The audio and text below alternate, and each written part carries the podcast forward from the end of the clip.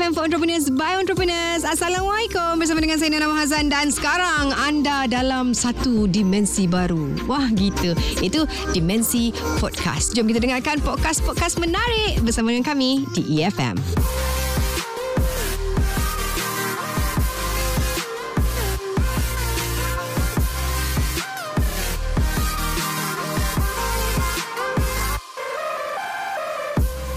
Minggu ini adalah usahawan industri desa produk makanan. Kalau kita tengokkan lah kan, uh, industri desa ni mendapat perhatian yang sangat mendalam daripada pihak kerajaan kerana banyak kementerian dan juga agensi-agensinya terlibat secara langsung dalam membantu usahawan-usahawan uh, industri desa ni. Dan kementerian-kementerian seperti Kementerian Luar Bandar, Kementerian Pertanian, Kementerian Keusahawanan dan banyak lagi sebenarnya menyediakan pelbagai medium untuk membantu melahirkan usahawan dan produk industri desa.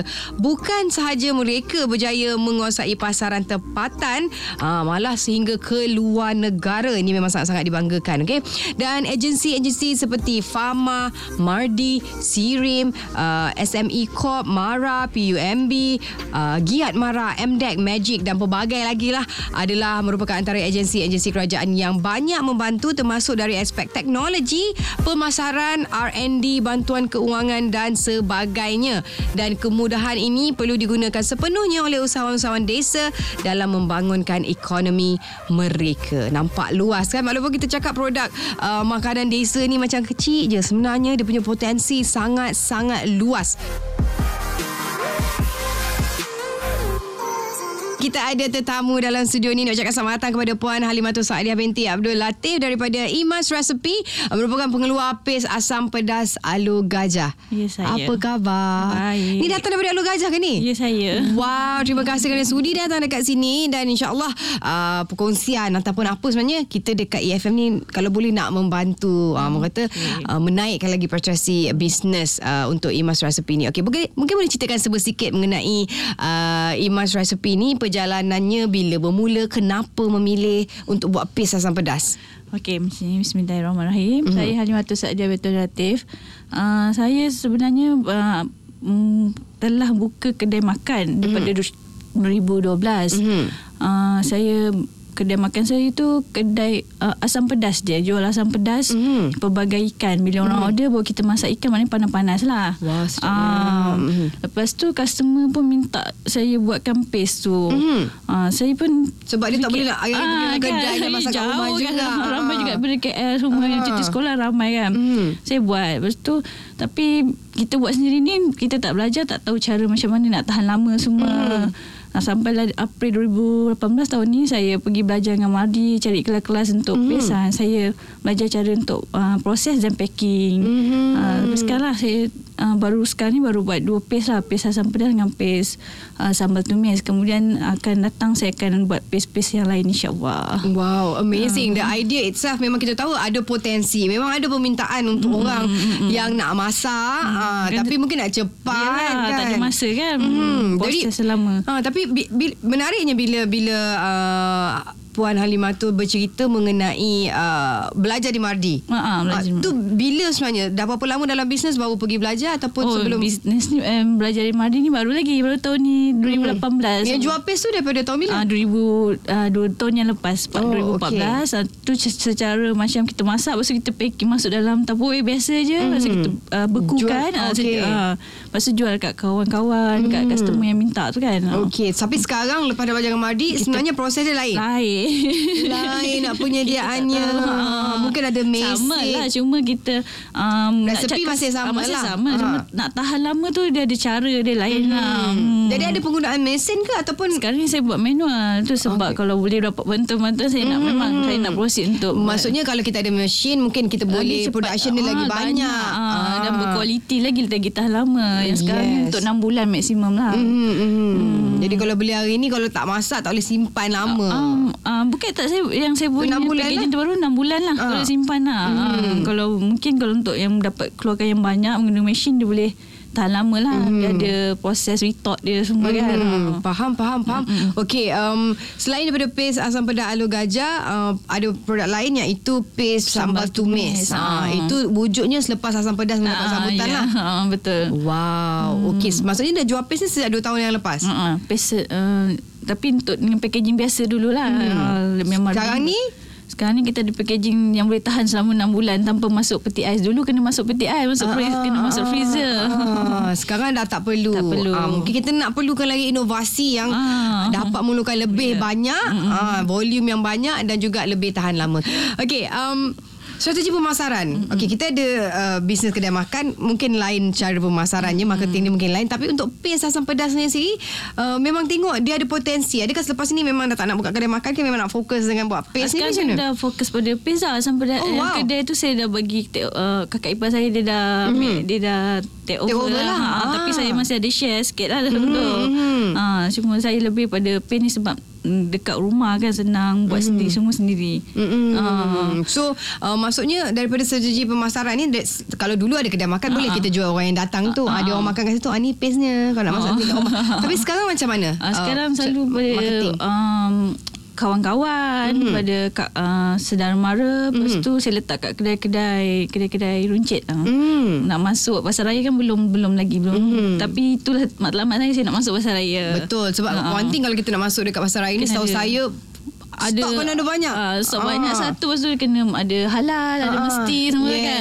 Yes, tu ah. semua pun memerlukan uh, beberapa proses lah Ya. kan. Dan bila kita bercerita mengenai um, marketing kan macam mana kita nak memperkenalkan kita punya produk ini memang tak boleh lari dengan social media. Hmm. Uh, macam uh, puan uh, ada juga ke buat social media punya page untuk paste ni Ah, ataupun baru buat baru buat okey. Ah. Berapa lama cerita pengalaman sikit mengenai social media tu? Social media untuk- baru lagi baru sangat ni sebab sebab saya pun ada anak kecil tak ada masa lagi nak tengok telefon. Faham. Ah. Jadi kena ada, ada lah memang, memang tu kena ah. ada memang kena ada saya pun baru belajar pada ni kan mm. uh, masuk kelas madi pun memang suruh saya buat page tu mm. baru buat lah Hmm, jadi senang kalau nak type je hmm, Ah, asam pedas keluar ah, gitu yelah, punya kan. Ha.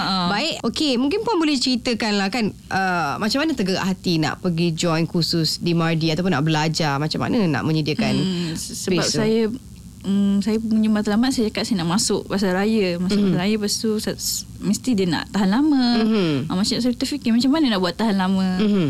Ah, lepas tu saya dapat satu uh, terbaca satu ni ekran, ekran punya Mhm. kursus di Mardi mm-hmm. uh, kursus yang pace dekat U, UPM pun saya pergi juga Hmm. tapi Mardi tu lagi lagi ni lagi all all semua kita Mhm. belajar lah ha. Hmm. Daripada A to Z A to lah Z ha, ha, lagi to Z Okey, antara yang di, uh, benda-benda yang dibelajar di Mardi masa tu apakah?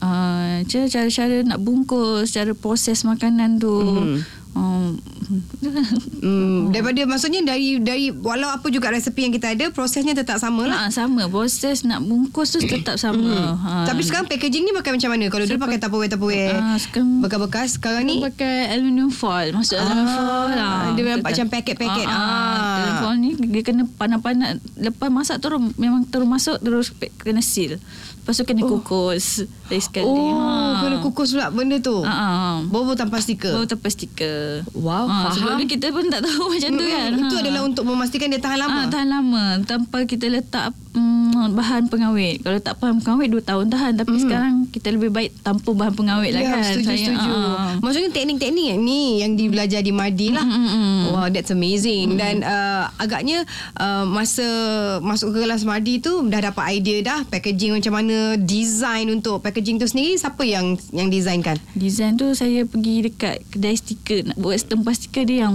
buatkan dululah stiker ah. design tu. Cepat ah. Dia kita cakap kita nak apa dia designkan ah, lebih dia lebih kurang designkan, lah. ah, Ha, teknik dia dia ah, okey lah ni. Okey lah. Dia cantik dah ni. Ha, okey, terus print. Ah. Baik, okey. Berapa sebenarnya modal awalan yang dikeluarkan masa first nak buat uh, Masa bisnes ni? yang uh, packaging baru ni lah. Mm-hmm. Packaging baru ni dalam 3000 lah. Mhm. Uh, kita beli Aluminium foil tu. Aluminium foil Mhm. mm. Nak stiker lagi mm. Dengan bahan-bahan mentah semua lah Mhm, uh. Dalam 3000 lah Okey, maksudnya masa yang pertama tu modal 3000 tu berapa paket boleh jual uh, boleh buat masa tu? Oh, mm, 3000 tu dalam 200 paket Hmm, maksudnya masak tu untuk 200 paket Ah, punya Tapi tak ada saya buat terus 200 Sebab Ah, sekali ah. pengeluaran pun Saya buat simpan pun 70 70 je 70 sehari paket. Sebab ah. dia punya Banyak Renyah lah kan, buat. Renyah dia Ah, nak buat, nak masak tu nak ni bukan masak macam ambil-ambil campak je. Masak dia kena lama juga kan Biar dia betul-betul tahan kualiti dia Hmm. Jadi uh, lebih kurang 3000 hmm. uh, modal awalan lepas uh, buat pinjaman ke of course duit sendiri je lah Ah. kan. Uh, okey. Uh, lama tak nak dapat balik modal tu? Hmm. ROI dia.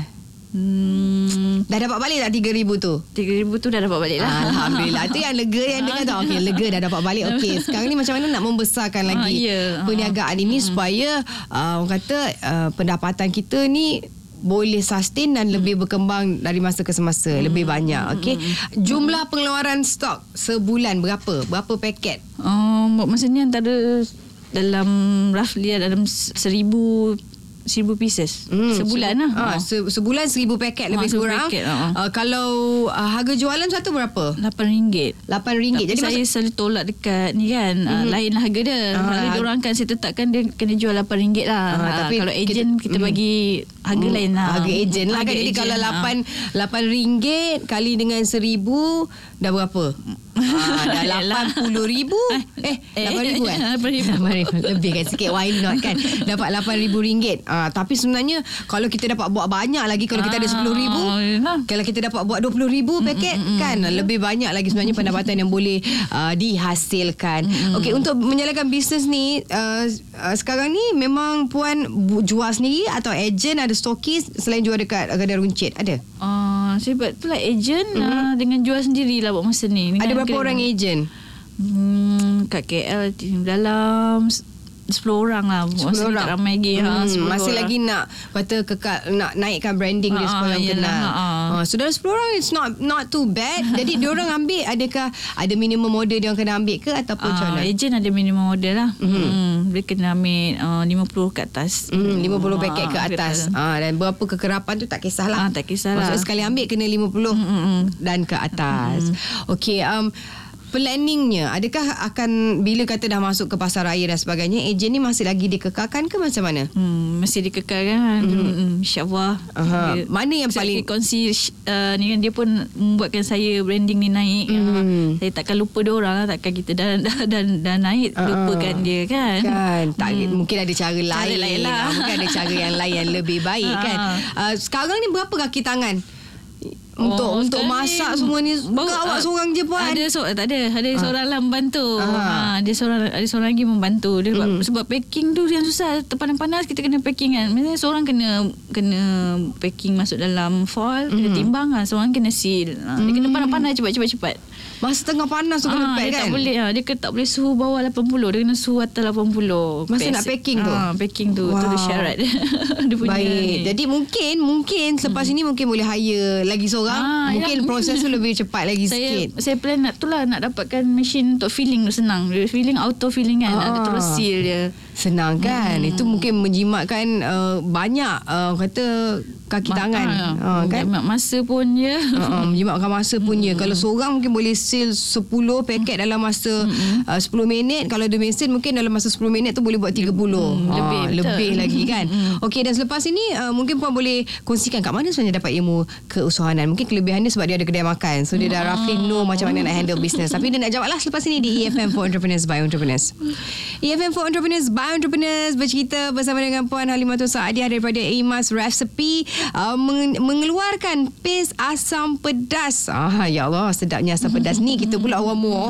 Orang Muar memang suka asam pedas tu. Ha ah. Okey, dekat mana sebenarnya puan dapat ilmu keusahawanan ni? Hmm, pertama dulu saya saya kerja dulu. Saya kerja dekat sebuah agensi kan. Mhm. Lepas tu ada saya punya engineer tu ajak saya masuk kelas usahawan uh, satu apa kita nak panggil? Apa dia? Uh, Dr. Azizan yang kelas. Ah, okey. Masa tu tapi tu saya timbul minat masa tu saya masuk kelas dia. Mhm. Hmm. Betul berminat nak berniaga. Mhm. Kebetulan lepas tu mak ayah tak sihat sangat. Mhm. Uh, saya balik kampung lah saya berniaga buka kedai makan kat kampung. Hmm, dalam masa yang sama boleh Ah, juga ah, jaga ah, orang tua dia kita pun. kan Hmm, depan mata hmm, kita hmm, senang. Okey, lepas masuk dah kelas tu, uh, selepas itu ada kelas-kelas lain yang yang yang puan join? Hmm, cuma hmm, kelas tu dengan dia lah- yang lain-lain tu yang biasa-biasa lah. Kalau Hmm. macam ada um, saya ingat ada juga saya pergi tapi dah kelas uh, sehari sekejap sekejap, sekejap je. Hmm. Um, Sebab adalah. sekarang ni memang fokus nak buat production je Ah, kan. Sebab kalau production. mungkin kalau ada mesin, kalau ada Ah, uh, benda-benda yang boleh mencepatkan kerja ni, jadi kita boleh lari pergi kelas dan sebagainya Ah, kan. ya. Uh, tapi tak apa, uh, pengalaman yang ada insya-Allah pun boleh boleh membantu kita dalam run kita punya uh, business ni. Okey, um, nak tanya dulu apa agaknya masalah dan cabaran yang dihadapi dalam bisnes ni? Hmm, Cabaran terbesar masalah ke? Oh, masalah tak adalah masalah besar sangat macam kadang-kadang sebab harga barang turun naik kan macam mm. bawang, bawang, cili semua kita mm. tak dapat dengan harga yang tetap. So mm. so kos kita kadang tak sama. Ada kos kadang-kadang naik kan turun. Mm. Ha. Jadi kalau ha. masuk kos rendah tu sedaplah sikit kan. Ha. Kalau kos tinggi tu kita mesti kena jual ha, harga, yang harga sama. sama. Ha tu je lah dalam tu pesaing pun ha, ramai juga. Mm. Cuma cuma kita macam mana kita nak nak tarik customer kan nak jaga mm-hmm. customer tu lah tu antara masalah mm-hmm. masalah lazim lah, lah kalau kalau uh, semua jenis bisnes pun ada masalah, masalah lebih kurang macam ni mm-hmm. tapi kalau diberikan peluang untuk uh, mendapatkan bantuan apa jenis bantuan yang diperlukan untuk orang kata memastikan bisnes kita ni dapat di makeover kan menjadi bisnes yang lebih lebih baik mm, saya kalau boleh saya nak apa ni teknologi atau inovasi, inovasi lah untuk mm-hmm. saya um, dapat mengeluarkan dengan kuantiti yang banyak mm-hmm. dengan kualiti yang bagus kan mm-hmm. uh, tanpa mengguna uh, tanpa gunakan orang yang ramai lah pekerja yang ramai mm-hmm. uh. Lepas tu saya nak masuk ke, dapat masuk ke pasar raya. Mm-hmm. Ha. Itu bantuannya lah. Ha. Dan uh, mungkin bantuan sijil halal. Ha, sijil halal dengan mistik saya nak ha, sambil ke arah untuk mendapatkan sijil halal dan mistik. Mm-hmm. Ha. Pernah pinta tak sebelum ni? Apa halal? Ha. Ha, Pernah apply? Ha, mm-hmm. Halal ni dia kena... Sebab saya sebelum ni buat kat rumah. Saya mm-hmm. baru ni dah akan masuk ke premis lah sebab dia nak kena ada premis. Mm-hmm. Uh, baru masuk premis so kriteria kriteria, dia, dia belum lengkap lagi. Ah okey dia dah Lepas bagi. dia nak mesin, mesin dia pun nak mesin yang mm. uh, dia kena ada mesin dia yang ni cakap. Mm. Uh, jadi dalam kita nak mendapatkan uh, CJ halal ni ada beberapa ha, kriteria yang perlu mm-hmm. di, disediakan dahulu. Yeah, ha yeah, baru yeah. boleh dapat CJ halal dan CJ mesti dan sebagainya. Mm-hmm. Okey, baiklah kita dah tahu lebih kurang antara bantuan-bantuan yang diperlukan antaranya teknologi dan inovasi, mm-hmm. nak bantuan CJ halal dan mes, uh, mesti so, marketing. Marketing uh, pun nak tahu juga. Marketing tu macam mana nak nak bagi orang kenal top lagi kan. Orang ya. yakin dengan produk saya. Dan dari segi kewangan adakah memerlukan bantuan? Adakah kalau kita bagi mesin je okey ataupun dengan duit? duit wow. pun boleh. duit pun boleh. Why not? Why not? Mungkin dari segi bersuai, untuk ha. bersuai kedai kedai untuk hmm. pada dia senang dapat halal kan. Hmm. Ha. Jadi yalah untuk kita dapat halal tu kita pastikan ha, tempat, tempat kita menjalankan dia, uh, hmm. production tu tempat yang bersih, hmm, tempat yang sesuai. Tempat proses lain, tempat bungkus lain, hmm. tempat uh, pejabat lain dia kena. Yes. Kita orang di EFM tidak dapat menjanjikan bantuan-bantuan okay. dapat tapi kita akan cuba kita akan cuba kontak beberapa agensi yang tertentu yang mungkin ada jalan dekat situ hmm. macam mana sebenarnya kadang-kadang kita tahu uh, cara mudahnya macam gini ha, betul, macam betul, mana betul. nak jumpa orang yang yang sebetulnya hmm, untuk kita betul. utarakan kita punya permasalahan hmm, ni okey okey hmm. perancangan sendiri untuk Puan Halimah Saadiah untuk Imas Recipe ni Hmm, saya merancang saya nak buat lagi pertambahan menu lagi. Saya nak oh, yes. ah, bukan saja pada saya mungkin ah, bukan mungkin lah hmm. masak lemak cili padi. Saya nak buat ah, sedapnya. Masak masak hitam masak dengan rendang hmm. uh, banyak lagi menu-menu tu sebab hmm. itu saya kalau saya akan register bawa usahawan bawa bimbingan Mardi dia akan ajar lagi hmm. uh, cuma saya kena ada promise tu lah Mm-hmm. Uh, sekarang dalam dalam proses nak masuk dalam promise tu buat promise tu macam mm-hmm. jadi maksudnya harapannya lepas ni akan lebih banyak lagi uh, resepi. lebih banyak resepi uh, sebab supaya orang Sudang senang dapat mudah mm-hmm. dapat jadi kita tahu kalau brand Imas resepi ni macam-macam uh, ada. Nak masak hari ni boleh beli macam-macam jenis. Uh, uh, hari ni masak asam pedas besok masak masak lemak. Mm-hmm. lusa masak dinding mm-hmm. lah gendang apa segala mana. Uh, uh, sambal sambal hijau ke sambal uh, putih? oh, sambal hijau pula dia sebut. Eh, perancangan bisnes ni memang ada ada. Memang uh dalam fikiran tu memang Macam, tahu macam mana nak besarkan. Mm-hmm. cuma ada beberapa benda yang harus dibaik pulih. Uh, dibaik pulih uh, dan terhalang sikit. terhalang sikit betul. tak tahu jalan-jalan je lah mm. cakap. Baik baik baik. Dan uh, sebenarnya siapa yang dengar dia terliur nak buat asam pedas sendiri sebenarnya kat mana boleh dapat? Ah boleh terus hubungi saya mm-hmm. uh, pada talian 019 277 2410 mm-hmm. uh, saya bukan beritahu kalau kalau dekat KL ke? Ada ejen saya saya akan bagi nombor telefon lah kat mana-mana hmm, lah. Faham. kalau tidak saya boleh post juga. Boleh di post. Okey, hmm. ada Facebook ke yang boleh orang tengok? Kadang-kadang nak ha, tengok im, dulu rupa ha, dia. Imas Recipe E Y M E Y M A S R E C I P E. Yes ha. Imas Recipe ha. cari dia dekat Facebook. Ha. kat situ pun ada nombor telefon. Ha, ada nombor telefon. Ha, ada juga gambar-gambar. Hmm. kalau nak tengok kan nak terliurkan lagi diri. Yeah. ha, boleh tengok kat situ. Dan nak order pun mungkin boleh juga dari ha, situ boleh, juga. boleh, boleh, boleh. PM dan sebagainya. Thank you so much kepada yeah. Puan Halimatul Saadia Nadia daripada Emas Recipe. Thank you so much sebab Sudi datang hari ni. Uh, Sudi berkongsi pengalamannya dan sebenarnya orang yang uh, memerlukan bantuan ni dia tak malu datang nak bercerita kan. Rebut peluang. Peluangnya rebut ada peluang kan. betul. Ha. Sebab kita nak usaha kan. Kita kalau kita duduk je kat rumah je tunggu mesin jatuh kat river tak boleh juga kan. Ha, we need to work for it. Thank you so much kita cuba sedaya upaya yang kita ada dekat sini untuk membantu. Amin. Terima kasih banyak-banyak sebab jemput saya ya. Of course, it's our pleasure.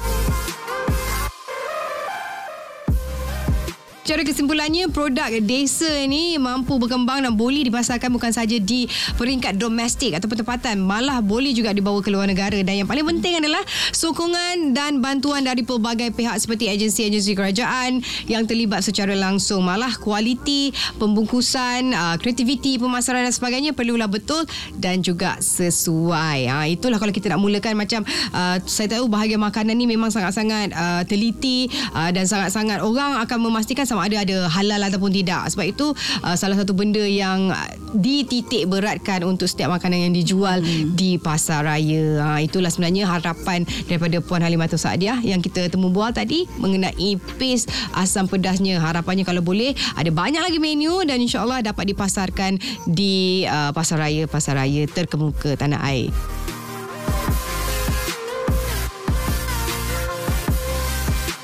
Itu dia antara yang menarik yang dapat kami sajikan untuk podcast kali ini. Pastikan anda terus scroll untuk dengarkan podcast-podcast yang lain. Tentunya menarik hanya di EFM for Entrepreneurs by Entrepreneurs.